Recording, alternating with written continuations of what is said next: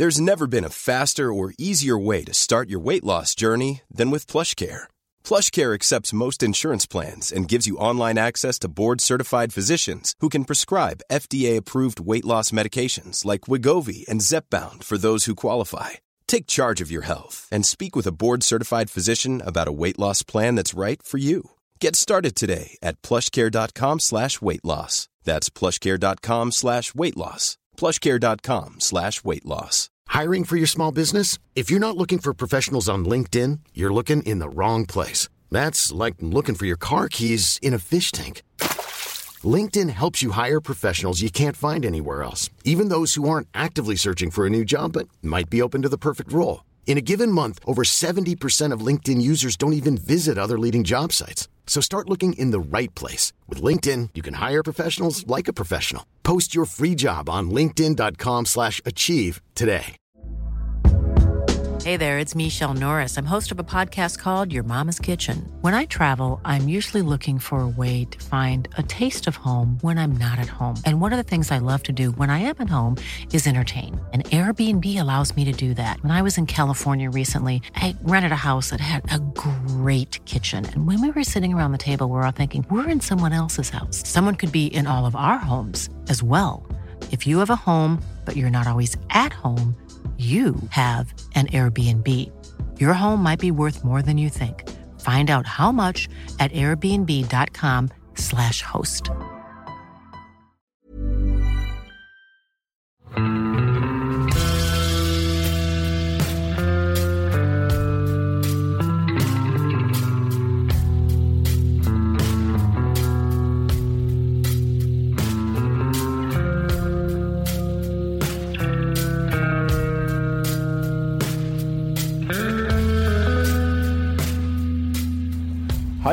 Og velkommen til podkasten Uteliv. Jeg heter fortsatt Randulf Valle, og dagens episode blir tatt opp ved Nidelva i Trondheim. For dem som er lokalkjent, så kan jeg si at jeg sitter ved eh, Tofahytta ved Kroppanvallet. Og dagens gjest er Eva B. Torstad, forsker ved Norsk institutt for naturforskning. Velkommen. Jo, takk for det. Eva forsker på laks og sitter bl.a. i Vitenskapelig råd for lakseforvaltning. Og i løpet av de to neste episodene i podkasten Uteliv, tror jeg, skal vi prøve å prate oss gjennom livssyklusen til laksen.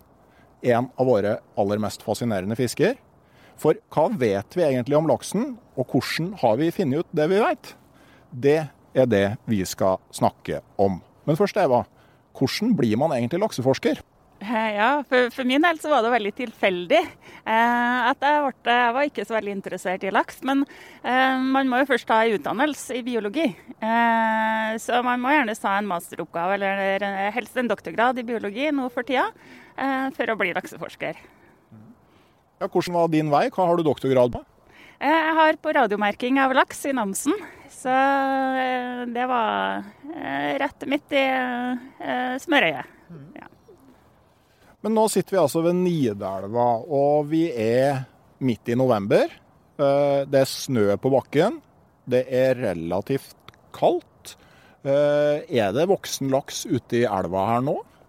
Ja, nå er vi midt i gytetida, så nå foregår det veldig mye ute i elva her. Nå er det fullt liv her. Det er gyting i Nidelva, og jeg har hørt rykter fra dem som driver overvåker her, at det er over 20 kilos hanner som driver ut og slåss her om huene akkurat nå. Så vi skulle egentlig tatt opp den podkasten her under vann. Ja, og det er jo veldig artig. De siste årene så har det kommet veldig mye filmer fra under vann. Det er det som har vært spennende med fisk før, at vi ikke ser så godt hva som foregår under vann. Vi har bare kunnet lurt på det, men nå så har det kommet veldig mye filming de siste årene, så jeg har lært veldig mye nytt om laks. Og fra snorkling. Så i dag vet vi mye mer enn vi gjorde for 15-20 år siden da jeg begynte med dette. Akkurat hvor man begynner når man skal beskrive en sånn livssyklus, det blir jo litt som å prøve å finne ut hva som kom først av høna og egget. Så vi skal vente med gytinga helt til slutten av det som sannsynligvis blir episode nummer to. Men heller starte med rogna på elvebunnen. Og først, når jeg leser om Nidelva i lakseregisteret, interessant side på nett, så ser jeg at elva har god gytebestandsoppnåelse. Den vurderes så vidt jeg vet ut fra et gytebestandsmål, men kan du forklare litt hva det gytebestandsmålet er, og hvordan man kommer fram til det? Altså, Gytebestandsmålet er et mål på hvor mye eh, rogn korn som eh, behøves i elv for å fylle opp elva, sånn at man eh, produserer så mye eh, smolt, eller store lakseunger, da, som den elva klarer å produsere. Så det er et mål som forvaltninga har på hvor mye rogn som skal legges i elva hver høst, eller det kan vi regne om til antall gytehuer. Sånn at Én hulaks gyter ca. 1450 rognkorn per kilo kroppsvekt.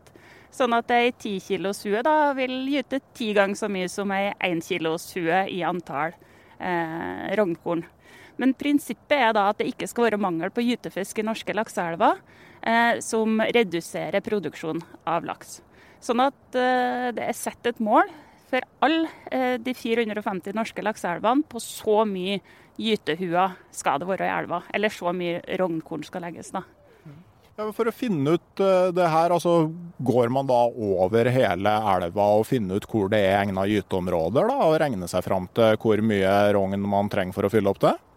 Eh, det er gjort litt grovere enn det. Altså, man har jo ikke data fra så mange elver. Så det finnes data på dette her, gode data fra ni norske elver. Så man vet ganske godt i dem hvor mange egg eller hvor mange lakseunger måtte man ha for å nå maksmålet av det den elva kan produsere. Og så ble de delt inn i tre grupper. altså Lavproduktive, middels og høyproduktive elver. Og så er det gjort en vurdering av alle elvene eh, av eh, lokalkjente forskere eh, og forvaltere, folk som har spilt inn på det.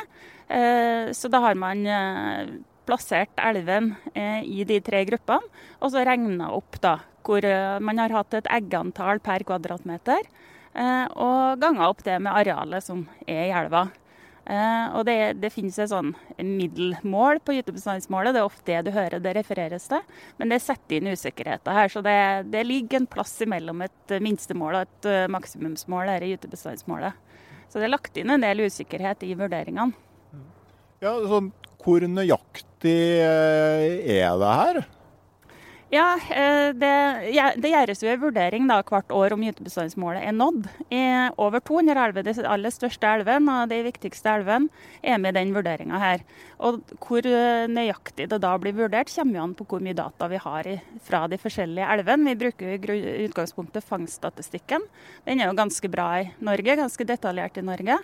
Eh, men eh, vi trenger jo å vite hvor stor andel av fisken som faktisk ble fanga i elva. Altså hvor stor var eh, beskatningsraten i hver elv for å regne ut det. Og det jo, kan jo være vanskelig å vurdere. Så i veldig mange norske elver nå så er det uh, gytefisktellinger. Det foregår snorkling. Det er en god del uh, tellere. Det er en god del uh, lysfiske, altså overvåking hvor folk vader elven med lyskastere og teller fisk. Så i, i tre fjerdedeler av elven vi vurderer nå, så finnes det faktisk data. gode data på gytefiskbestandene som blir brukt. Og så bruker vi i tillegg Eh, lokal kunnskap er viktig. Hvis du skal vurdere ble det, hvis du, du, har en fangststatistikk, da, og så ble det fanga stor eller liten andel av laksen i elva i år. Og Da trenger vi lokal hjelp. Så For alle i elven her så går vi ut til Fylkesmannen, som da igjen spør sine folk. Eh, var det en god eller dårlig fiskesesong? Eh, vi bruker alt vi har av kunnskap, alt vi har av, kan få av lokal kunnskap for å vurdere det.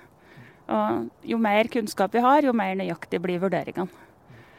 Ja, for Jeg har også lagt merke til at i veldig mye elver nå så ser du liksom bilder og videoer av, av rett og slett folk som driver ned elva med, med tørrdrakt og snorkel og dykkermaske og teller i praksis hver fisk du finner. da. Ja, eh, det vil jo bestandig være et minstemål. Eh, og I store elver så er det jo vanskelig, men eh, det har jo blitt utrolig mye av den type overvåking. Og Forvaltninga etter gytebestandsmål ble innført i 2009. Og etter det så vi har jo Det er kanskje en av forvaltninga av arter i verden som er aller mest kunnskapsbasert. Det er lakseforvaltninga vi har i Norge. Grunn av mye av for, for, for det første at vi har et mål vi kan vurdere det etter. Eh, et mål som forvaltninga kan styre etter, og at vi har gode vurderinger og gode data når vi skal vurdere om målet er nådd.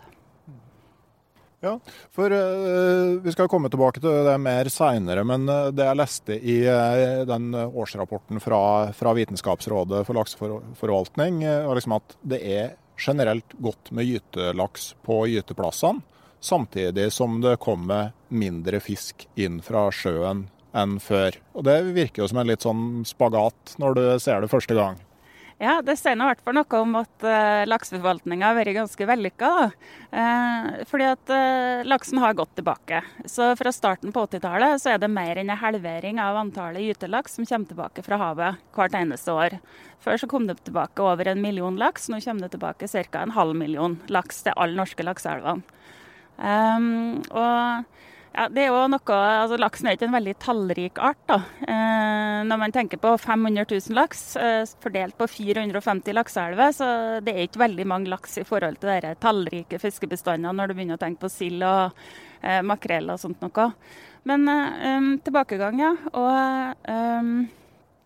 har, altså det er ulike årsaker til den tilbakegangen. Mye menneskelige påvirkninger og i tillegg endringer i havet som har påvirka dem. Eh, og så er det stramma inn på laksefiske for å kompensere for den tilbakegangen, ofte av andre årsaker. Og så er fisket stramma inn mer enn det tilbakegangen har vært. Sånn at resultatet da er at vi faktisk sitter igjen med mer gytefisk i elven eh, enn tidligere. Jepp. Men når eh, nå snart gytinga er over, eh, da ligger det da plutselig ganske mye befrukta egg eh, ute i elva her. Altså, hvor dypt ligger eggene etter gyting? Ja, De ligger på noen titalls centimeter, sånn at hulaksen er veldig flink til å De ligger på sida og graver i grop, rett og slett, og graver dem ned i grusen, og så graver de over dem igjen. Så de ligger ned i grusen der, og der ligger de jo ganske fint. I hvert fall hvis det er stabil vannføring om vinteren. Det kan jo være problem i elver, særlig regulerte elver, hvis det, eh, vannføringa reduseres etter gytinga. Men eh, så lenge det er vann, så ligger de jo fint eh, nedi grusen der, stabilt og fint gjennom vinteren. Så um, klekkes de eh, utpå eh, sein, sein vår, kanskje. Eh, Nidelva så gjetter jeg at de klekkes midt i mai, slutten på mai, kanskje. Eh, og det kommer an på hvor varmt det er i elva. Sånn at ei varm elv, så går det fortere. Altså det går på døgngrader, summen av eh, varmegrader i elva gjennom vinteren. Så de Finnmarkselvene som er dekka av is eh, til slutten av mai, der kommer klekkinga seinere? Ja, men eh, nå så er gytetidspunktet justert, så laksen gyter jo på forskjellig tid i de forskjellige elvene. Nå er det litt sånn levende her, for vi har med oss podkasthunden Kangia. Og så kom det et par andre hunder forbi her som eh, ikke, ikke likte det helt, tror jeg. Men eh, sånn at eh, grovt sett så gyter laksen altså, ja, det, det, blir feil å si at han gyter tidligere i eh, sør enn i nord, da, for det, så breelver og sånn vil ha seinere klekking? da. Ja, så Du har en nord-sør-gradient, men det varierer jo lokalt hvor varm og kald elven er. Om det er innsjøer eller om de er uten innsjø f.eks., eller store eller små elver. Så gytinga i norske elver er en gang mellom oktober og januar. Suldalslågen f.eks. er en av de siste elvene eh, du har gyting. Og gytetidspunktet er nok en tilpasning. Eh, altså, alle laksebestandene er jo forskjellige. De har gener tilpassa si elv. Og gytetidspunktet er nok en sånn tilpasning. Sånn at eh, det er jo ikke så nøye når de gyter, men det er nøye når de klekker. Eller når de kommer opp av grusen. da. Så det er nok en tilpasning til at de gjør det på den mest gunstige tida på sommeren for lakseungene. Ja, for akkurat det med tilpasninga er jo viktig. Altså, De som, eh, som fisker laks og sånn, vet jo det her. Men det, det, det, er ikke sikkert at alle er klar over at alle elver har på en måte sin egne laksebestand som er genetisk spesifikk for den elva. Og det kan òg være for forskjellige deler av samme vassdrag og sidevassdrag og sånn, ikke sant? Ja, det kan jo være. Det er jo fordi at de kommer tilbake til elva si. De, etter vandringa i havet, som er noen tusen kilometer, så greier de å finne tilbake med ganske stor eh, nøyaktighet til si elv. Og det er jo helt utrolig. Ganske fantastisk. Og i store elver eller elver med sideløp, så går de tilbake. Eller lange elver, altså de går tilbake til det området i elva de vokser opp. Sånn at i Tanavassdraget f.eks. er jo et fantastisk stort vassdrag. og i hvert fall, Jeg tror det er rundt 30 sideelver der og har 30 ulike genetiske bestander. Fordi når du har den tilbakevandringa, så er det et potensial. Da vil jo dem som gjorde de rette tingene i si elv og i sitt miljø, dem, det var dem som overlevde og kom tilbake og fikk unger. Så over tid da, så får du en bestand som er tilpassa sitt eget miljø. Eh, og Derfor så har vi bestandsvis forvaltning av laksebestander i Norge og internasjonalt, fordi at målet er å ta vare på alle de forskjellige laksebestandene fordi de er forskjellige. Kan du si sånn som I Tanavassdraget så har du sånn som Laksjokka, som er ganske grunn elv, hvor laksen skal langt opp på vidda, og hvor du typisk har hunnlaks på et par kilo med kjempesvær spor og nesten uten mage. Og så har du Isjokka, som er en av liksom, eh, de øverste altså tributary, er det vel du kaller det på engelsk, altså kildeelvene til, til, Tana, som er så grovsteina, er blitt forklart at det er egentlig bare storlaks som klarer å lage gytegrop der. Så jeg så på fangststatistikken og hadde tatt mer laks over sju kilo enn under tre i den elva. Ja, helt, helt, utrolig, helt fantastisk. Akkurat som du sier, huene må jo være store for å greie å grave ned eggene sine i ei elv med grov, grov grus. Men Tanavassdraget er jo helt fantastisk. Det er jo mange som ikke vet det, men det er jo veldig mye ukjente sideelver som liksom er like stor som Altaelva. Eh, så det er jo et eh, kjempestort vassdrag. Og enkelte år så utgjorde faktisk laksefangstene i Tanavassdraget eh, en femdel av all laksefangstene i hele Europa. Så stor er den elva, som vi deler med Finland. da. Jeg kan eh, mer eller mindre love at det kommer en helt egen episode om eh, Tanavassdraget og eh, laksen der med, med, tid og stunder. Men tilbake til yngelen, da, som klekker en eller annen gang utpå våren. Og du snakka på at tidspunktet for klekking eh, var viktig. Altså hvorfor er det viktig? Eller ikke akkurat når de klekker, for når de klekker så ligger de jo ned i grusen. Og så ligger de der og ruger med matpakka si. De har jo sånn plommesekk som de er født med. Så de første få ukene så bruker de av den plommesekken. Da ligger de ned. Eh, men det er når de må, har eh, spist opp matpakka si og må opp og finne mat som driver forbi, at de, eh, da må de opp fra grusen. Og det er det som er den kritiske perioden. Stor dødelighet av en av de mest kritiske periodene for laksen. Hva er årsaken til dødelighet i den perioden her? Nei, altså De er jo mange og små. De skal finne seg mat, så det er nå en sårbar periode. Det må jo være, være mat, mat, som de får tak i. Eh, og um, Det kan jo være stor tetthet uh, med lakseunger på liten plass. Hvis det gyter veldig mye i et veldig lite område, så vil du ha konkurranse blant laksungene om plassen. Så hvis du har har mer spredning på gytefisken i elv og har gode områder for laksungene i nærheten, så får du mer, eh, produsert mer laks i elv. da. Ja, for Det er jo et poeng at um, den yngelen som kryper opp av, grusen der, altså det er mange flere enn det egentlig er plass til i elva når de vokser opp? Ja, det er det. Så eh, jeg tror jeg har hørt at det er et par prosent av eggene som blir til smalt. Så det er, det er, en stor eh, dødelighet. Eh, det er, det er ikke rom og det er ikke eh, mat nok til alle. Eh, Lakseunger er veldig glad i hølerom å gjemme seg i, så de liker godt å ha et hølerom mellom steinene hvor de gjemmer seg og så er de opp og tar mat. sånn at eh, har du elv med grov grus og mye sånne hølerom, så er det òg plass til mye, mye lakseunger. Eh, så da vil du ha god produksjon av lakseunger. Men det, det er en stor og dødeligheten er tetthetsavhengig. altså eh, hvis du jo flere eh, altså du, det, det, det, er tak på hvor mye laksunger og hvor mye smolt du kan produsere i elv. Eh, og har du flere gytefisk og flere egg lagt enn det taket, så vil det uansett ikke vokse opp mer laksunger. Og Det er jo, det jo knytta til prinsippet med gytebestandsmålet. Det er jo når du når det der taket der, at du har nok gytefisk i elva. Og Det er jo det overskuddet som kommer tilbake med gytefisk over det eh, målet der, som er det vi kaller det høstbare overskuddet, og som det kan fiskes på. Ja, eh, jeg kan si litt mer om det høstbare overskuddet. Kom igjen. Ja, for Det er jo eh, spesielt eh, med norsk lakseforvaltning, har jeg oppdaga når jeg har begynt å reise rundt i verden, at vi har et lovverk som tilsier at vi ikke bare skal ta vare på arten eller bestandene med laks. Vi skal ikke ha nok laks til å ta vare på dem, men vi skal i tillegg forvalte laksen sånn at vi har et høstbart overskudd. Så Det er jo nedfelt i formålet i laks- og innlandsfiskeloven at vi faktisk skal ha, vi skal ta vare på laksen sånn at vi har et høstbart overskudd til det beste for rettighetshavere og fritidsfiskere. Eh, så vi skal, vi skal ta så godt vare på, de, på, dem at vi har det naturlige overskuddet vi kan høste av. Ok, Det er jo interessant altså, at eh, det er ikke nok å ta vare på arten. Det skal faktisk fortsatt være mulig å fiske laks i framtida, er, nedfelt. da. Ja, det, det, er det. Eh, vi skal både vern og vi skal bruke av ressursen laks. Men de lakseungene her, da, altså, er det riktig at de er territorielle og liksom forsvarer måte, sitt eget område? Ja, eh, jeg vet ikke om de forsvarer dem. De har i hvert fall et rom. De har, har i hvert fall en intimsone eh, som de er ikke er så glad at andre kommer inn i. Så de trenger jo hver sin hjemmeplass. Og det, er jo, det, det har i hvert fall vært det veldig tradisjonelle oppfatninga. Det stemmer nok òg at de er territorielle, eh, har sine territorier. Men samtidig ser vi at det, det, kan jo være litt fleksibelt. Det kan jo være høler òg, med særlig litt større laksunger som svømmer mer i, i stim og i lag og sånn. Så det, det, kan jo være litt fleksibelt, det her. De eh, beveger seg jo en del. Når de blir litt større, laksungene, så kan de jo bevege seg litt rundt i elva òg.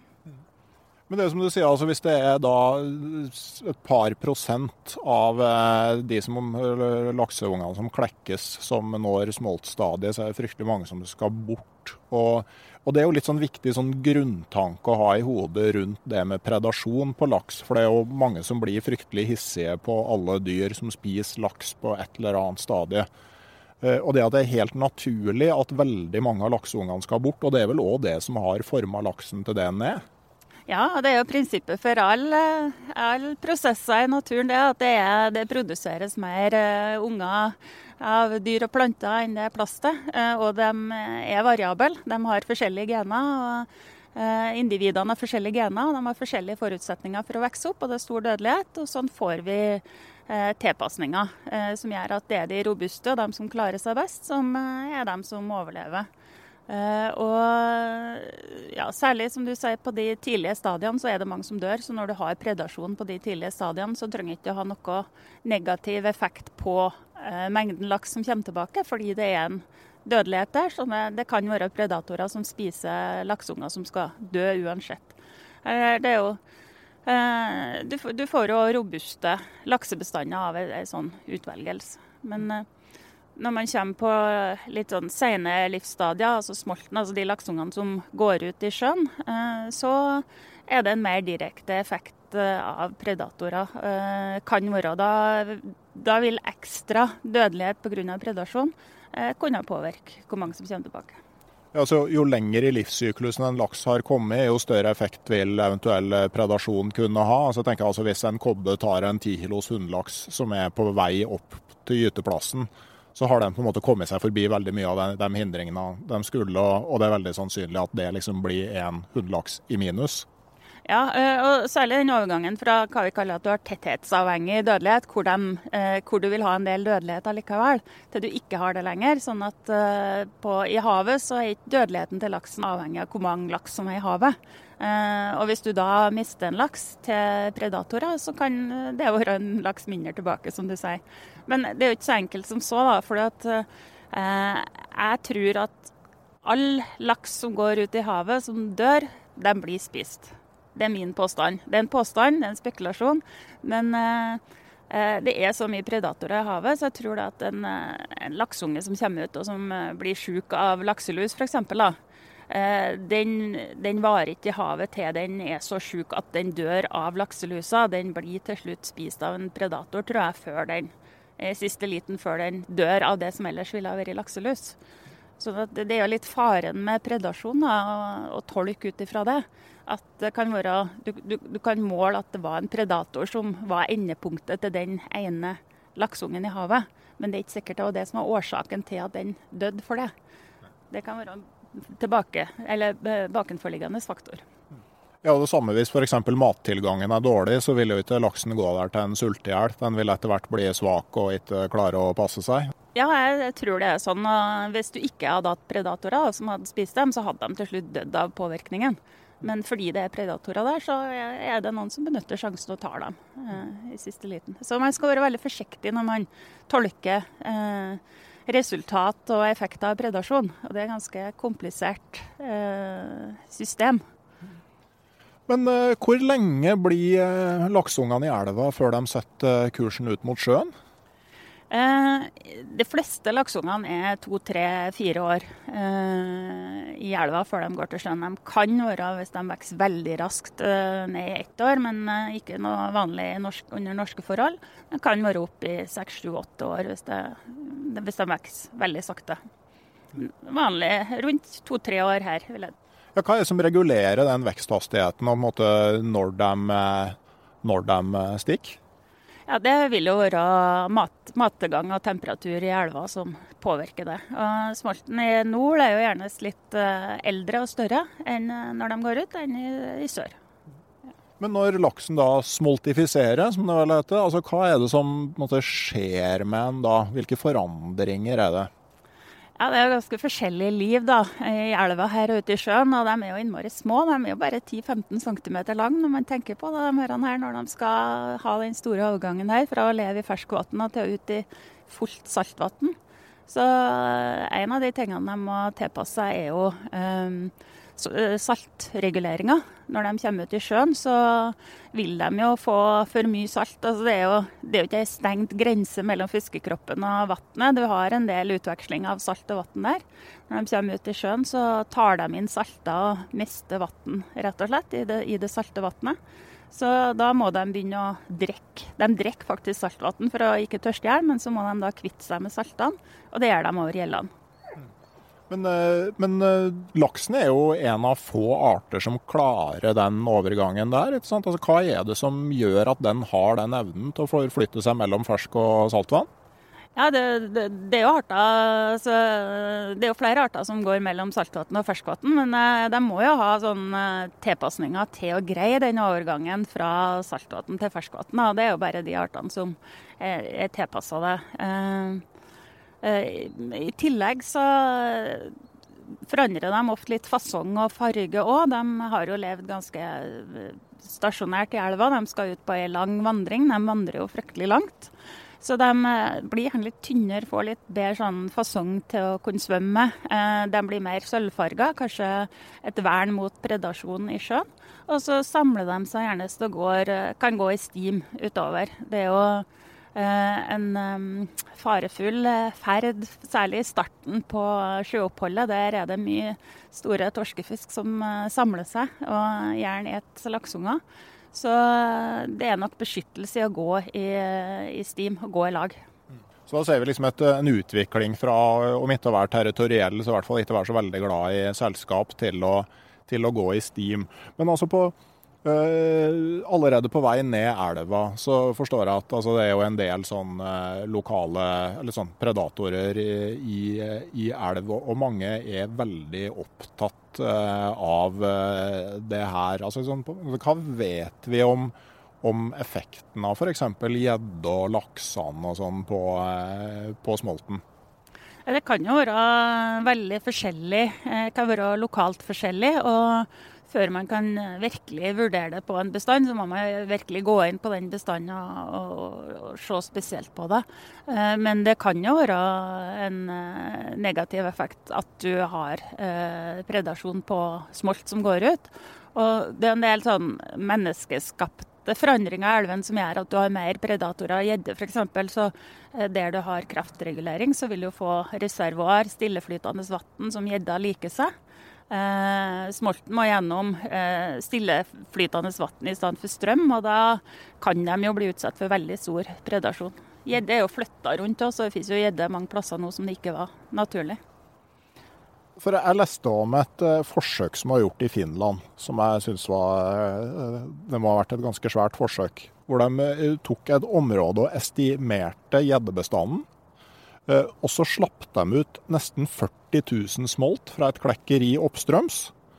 Og så fanga de gjedder, studerte mageinnholdet og ganga opp med den tettheten av gjedde som de hadde funnet, og kom fram til at 29% av den smolten her ble tatt av gjedde eh, på vei eh, forbi.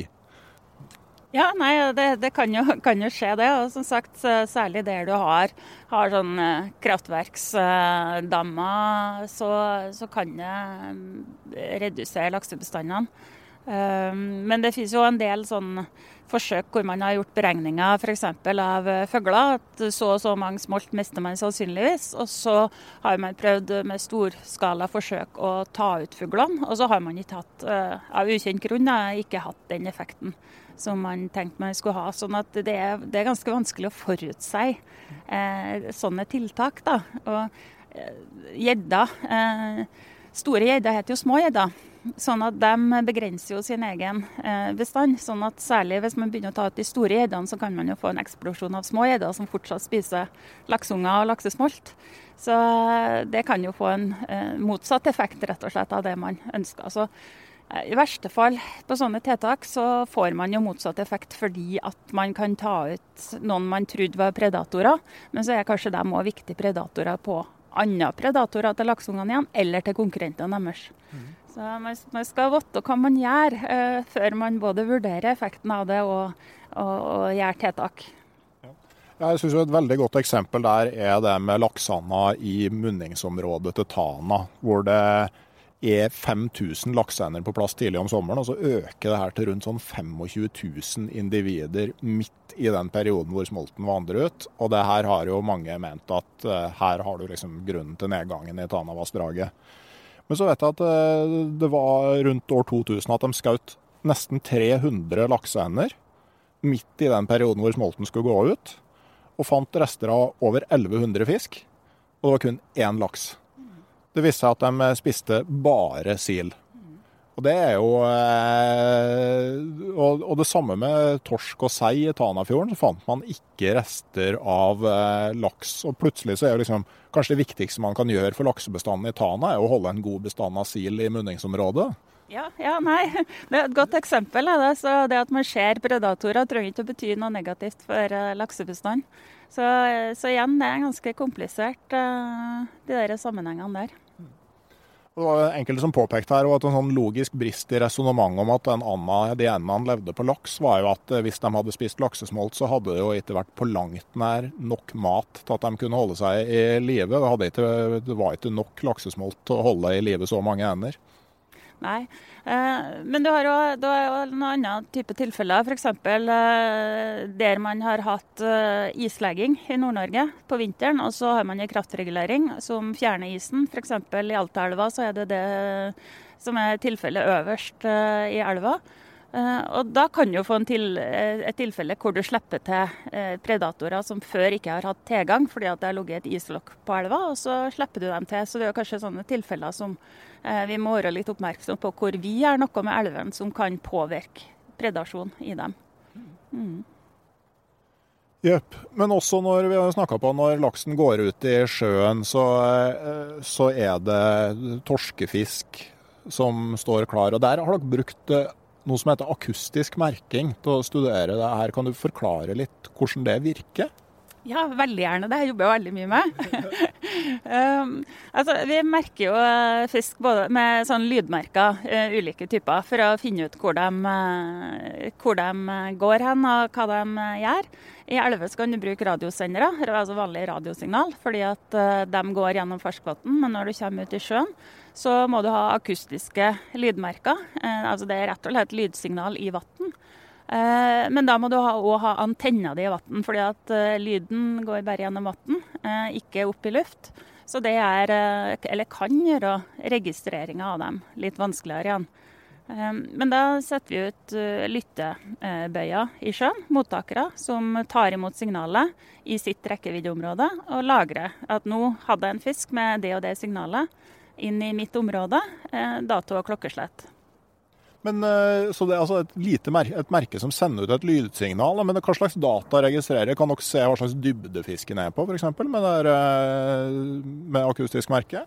Ja, Det kan man gjøre. Eh, så Du kan enten ha sendere som bare sier 'hei, her er jeg', eller du kan ha sendere som får data om dybde, eller det er jo trykket da, som du kan regne om til dybde. Eller saltholdigheten, eller ja, forskjellige sånne miljøfaktorer. Hvis man merker en smolt akustisk, eh, hvordan skjønner man da på den lyden der om eh, den eh, smolten drar forbi for egen maskin eller i magen til en lyr? Ja, Det er jo et godt spørsmål. Av og til så tar vi feil. Eh, hvis du har en dybdesender på, så kan du si noe om det. fordi at eh, torskefisk kan gå ned på ganske store dyp. Eh, mens, og vil gå mye opp og ned i eh, vannmassene, mens en eh, laksesmolt normalt vil være i overflata på 1-3 meter. Eh, eller hvis de begynner å fare veldig fort, f.eks., eh, så kan du se at det her, her, skjedde noe. Men i en god del tilfeller så ser vi ikke forskjell, og det kan være et problem i sånne eh, undersøkelser. Men det har kommet noen nye sendere nå som reagerer på jeg tror det er syre i magesekk. Sånn at der vil du få et spesielt signal når senderen havner i magen på en annen fisk. Så de, de, er ikke helt sånn nøyaktige ennå, men eh, det er ganske nytt. Men eh, det vil nok forandre eh, mulighetene vi har til å undersøke sånne ting. Jeg ble nysgjerrig når man utvikler det sånn som det er. er det, hvordan er måte tankeprosessen fram til en sånn ny sender? Altså, hvem, er det som, eh, hvem er det som finner på det? Er det forskerne som spiller tilbake, eller er det dem som utvikler de senderne som kommer og sier hei, nå har vi funnet på noe lurt her? Ja, det er nok begge delene. Eh, og det er jo et firma som er ja, noen hundre meter unna oss her nå i Trondheim som lager sånne sendere, så du får dit og ta et intervju med dem.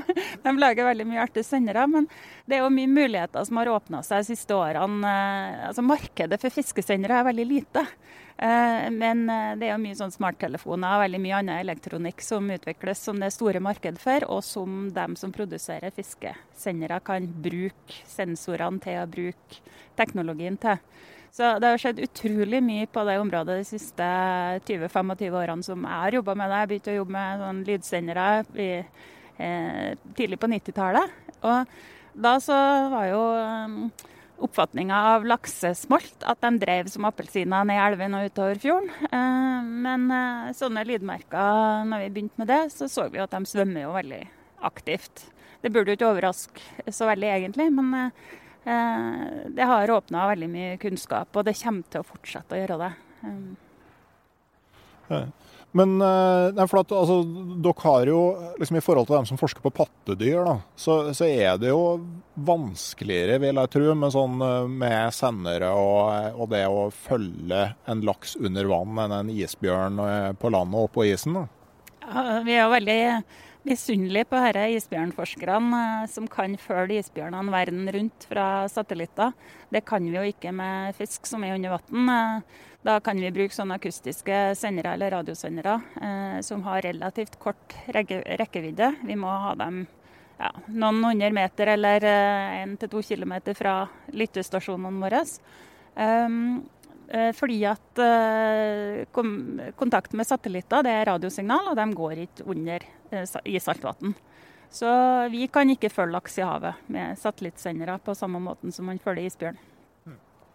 Så den som klarer å utvikle et system som liksom kan gi dere eh, posisjonsbestemmelse i real time eh, under vann, eh, får mange venner i lakseforskermiljøet? Ja, absolutt. Men vi har jo våre triks, da, så vi begynner å komme oss litt unna det nå. Så vi begynner å ha litt mer data.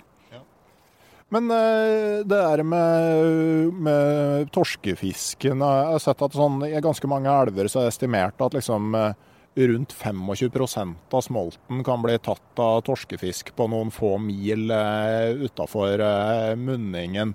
Det er jo ganske høye tall, men altså, er det her òg et resultat av at, altså, at det er overgangen fra, saltvann, fra, ferskvann til saltvann, altså er den på en måte ubehagelig å, å sette dem i en sånn situasjon at de er utsatt for predasjon? da?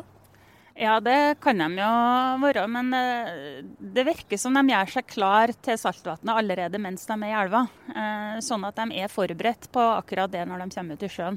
Men det er en veldig sånn forutsigbar og samla matkilde. Eh, de kommer jo ut et, en liten åpning i elva på et ganske forutbestemt tidspunkt, og det er mange av dem.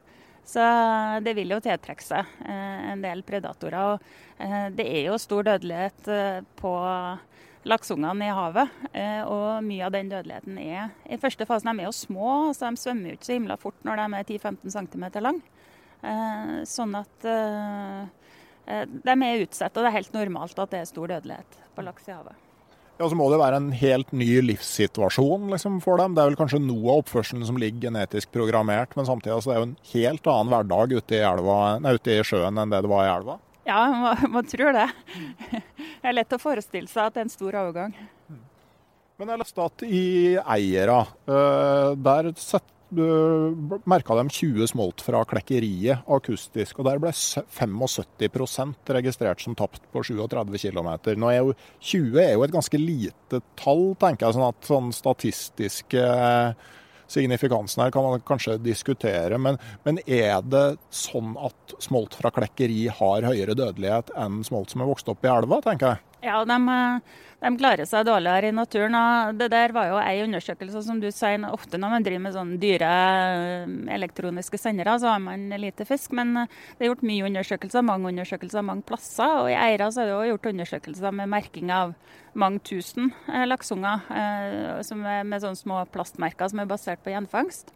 Så eh, det er over, eh, over, dobbelt så stor dødelighet på klekkerismalten som på villsmalten. Jeg vet Her i Nidelva så har de helt slutta å sette ut smolt fra klekkeri, for det var nesten ikke gjenfangst i det hele tatt?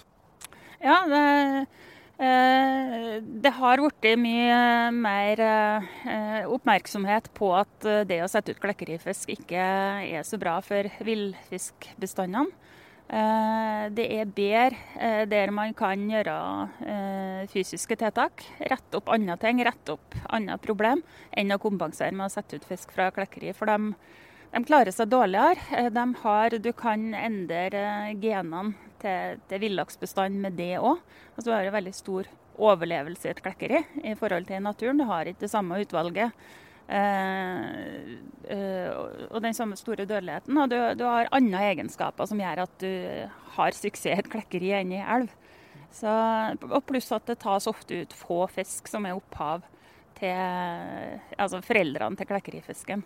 Sånn at du, du kan få redusert variasjon, eller du kan tilfeldigvis plukke ut fisk med andre egenskaper. Så det, kommer, det har kommet veldig mye ny forskning de siste årene som viser at klekkerifisk ikke særlig bra, ofte for de ville bestandene. Men når eh, smolten nå kommer ut i fjorden, så eh, møter den jo òg oppdrettslaks for første gang. Og da er det vel kanskje spesielt da lakselus som er et, eh, liksom en faktor for, for smolten. Altså, kan du si noe om altså, betydninga av det? Ja, eh, altså Lakselus er en eh, parasitt på laksen i sjøen. Sitter utapå laksen. Eh, den er helt naturlig. Eh, den finnes naturlig i våre områder. Men nå når vi har så mye laksefisk som er i sjøen i åpne merder eh, hele året, så får vi en voldsom produksjon av lakseluslarver eh, i forhold til naturlig. Så i naturlige områder så kan du ha en og annen eh, laksesmolt som får veldig mye lus på seg, men jevnt over ganske lite. Men i områder med mye eh, oppdrettsfisk så kan du få voldsomme mengder. Så da sitter de jo der på fisken og rett og slett et på skinn og eh, slim og kan ete seg ned i musklene. Eh, og kan medføre problemer med saltbalanse og få infeksjoner av det. Så eh, Ti voksne lakselus er dødelig dose for en eh, laks, liten laksesmolt. Så i enkelte områder så kan du rett og slett ha en veldig stor dødelighet pga. lakselus. Ja, jeg leste den rapporten fra Vitenskapelig råd, og sånn jeg kunne tolke figurene, så er det ganske mange elver hvor det ikke er antatt å ha så veldig stor effekt, og så er det noen elver hvor det er antatt å ha veldig stor effekt på, på eh, laksebestanden. Er det riktig lest? Ja, det stemmer. Det er noen områder som er hardt ramma. Sånn at uh, der det er mye oppdrettsproduksjon, så er det òg mye lakselus, unntatt helt i nord. Der er det uh, kaldere i sjøen. Sånn at uh, lakselusa blomstrer opp litt senere på sommeren. Så der er det et større problem for sjøørreten som kommer senere på året. Men ofte i, helt i nord så kan lakseungene rekke å komme seg ut før lakselusa blomstrer opp. Eh, og så vidt på det her, eh, Det ligger jo et kart ute på, eh, på sida til, til Vitenskapelig råd. Og det er jo påfallende at de sånne rødmerka bestandene som sliter, ligger veldig ofte innerst i lange fjordsystem. Altså er det òg et resultat av det samme? At du skal gjennom lange fjordsystemer med og forbi mye oppdrett på veien ut til sjøen? Ja, det, er, det, virker sånn at det er større belastning eh, å være innerst, innerst i fjordsystemene. Det er jo først og fremst områder på Vestlandet eh, og Midt-Norge, eh, delvis oppover i Nordland, som har største påvirkningene av lakselus. Og nå i fjor så flytta områdene seg med store problemer litt lenger nordover enn de har vært før. sånn at i 2010 2014 så beregna vi at det var et tap på hyttefisk tilbake til Norge på 50 000 laks per år. Altså 10, 10% av laksen var tapt pga. lakselus for, hvis vi ser på landsbasis. Eh, I fjor så regna vi at det var 11 000 tapt. Altså gytefisk tilbake. Vi har regna om det til gytefisk tilbake. Eh, og veldig mye nord på Vestlandet og sør i Midt-Norge.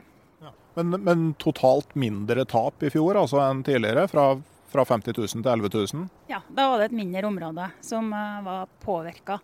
Ja, og Det varierer fra år til år, så det varierer med, med lus i anlegg, varierer med miljøforholdene. og Det eh, kan jo være ganske store variasjoner fra år til år med eh, om du treffer akkurat i tid. Om eh, laksesmolten kommer akkurat når det blomstrer opp med lus, eller eh, rett før eller rett etterpå, kan utgjøre en kjempestor forskjell. Altså i rom òg. Så du, du, kan, du kan ha en klumpvis fordeling av både lus og fisk. Så treffer du der, godt eller dårlig, så kan du ha stor eh, forskjell mellom år. Okay. Har det her òg noe for å gjøre med om forsommeren er varm eller kald og sånn med vanntemperatur eh, som du nevner som en faktor?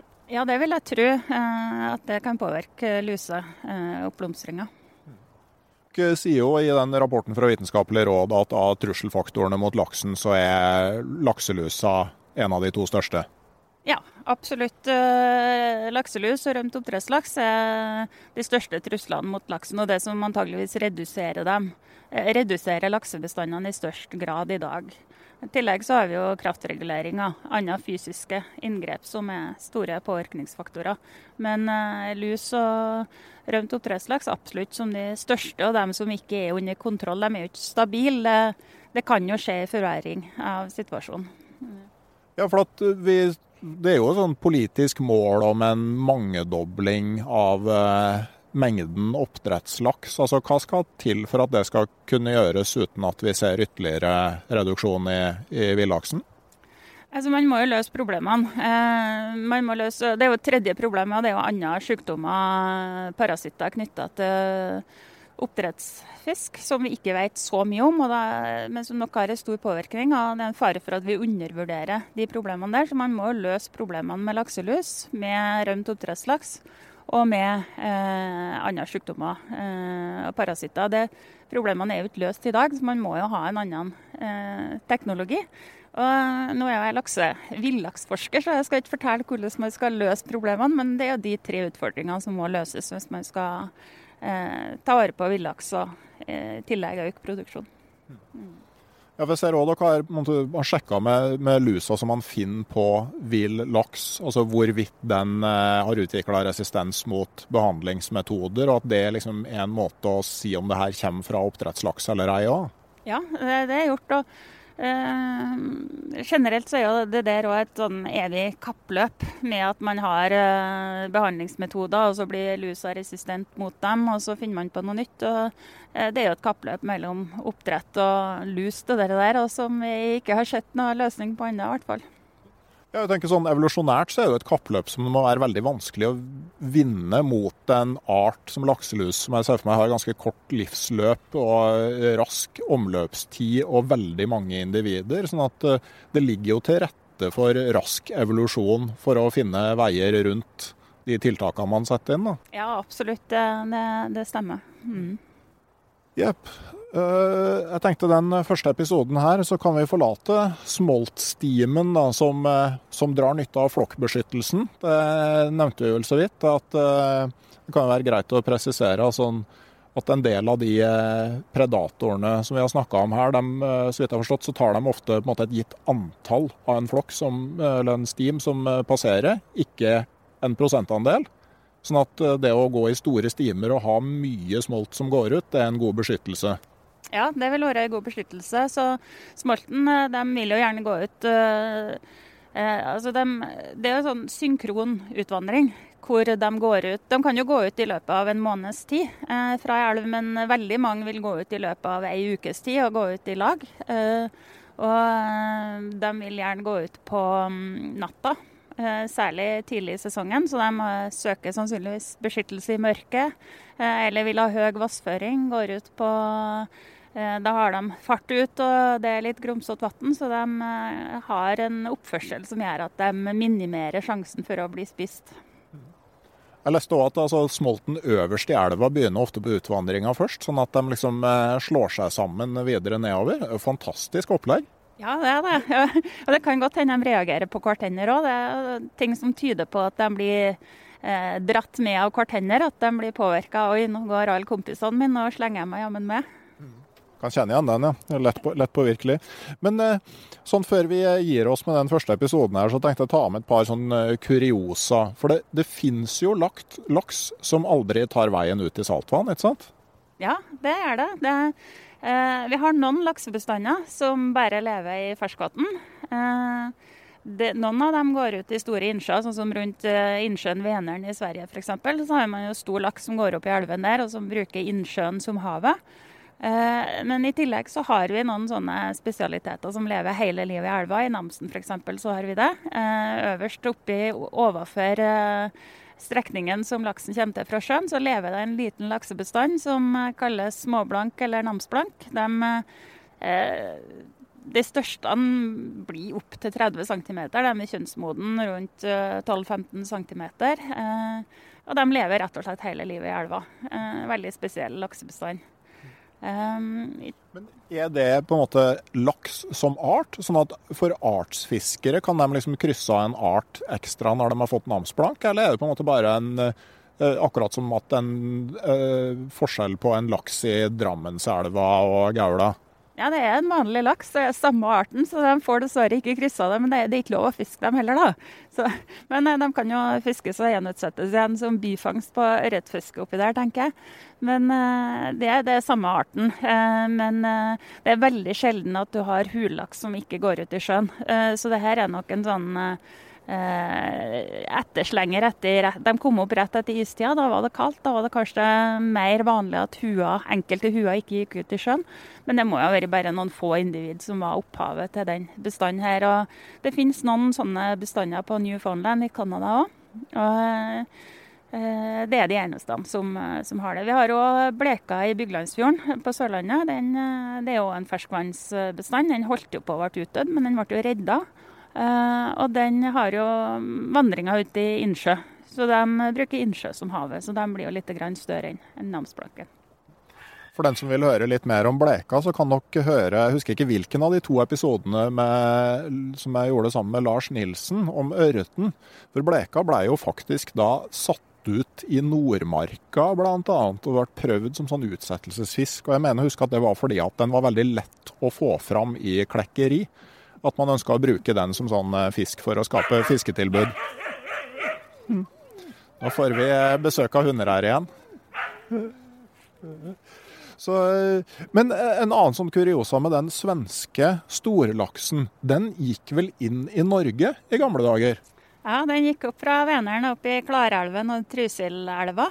Men der er det jo kraftutbygd hele veien, så de stenges nå pga. kraftutbygging.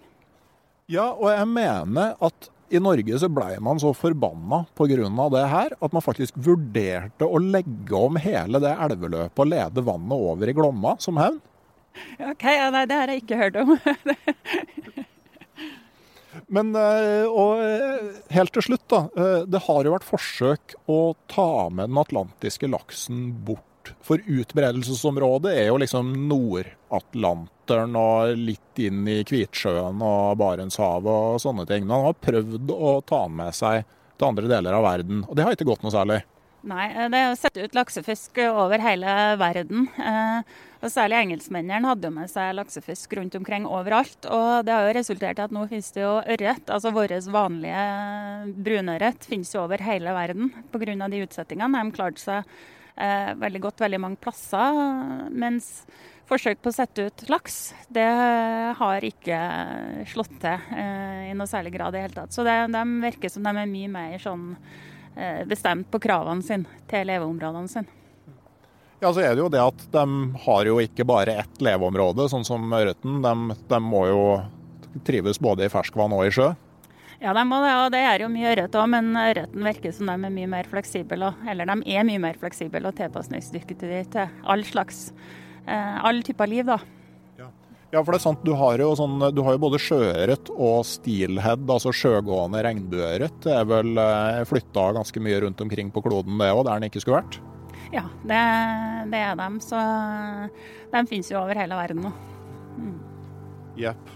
Så da, da klarte vi å komme oss til slutten på, eh, på første episode om laksens livssyklus. Da er endelig smoltstimen klarte å komme seg ut fjorden og forbi alle digresjonene våre. Og da tror jeg vi skal ta oss en kopp kaffe eller noe sånt før vi går i gang med episode nummer to, hvor vi følger laksen videre i havet. Den får du om ei uke her i podkasten Uteliv. Ha det bra.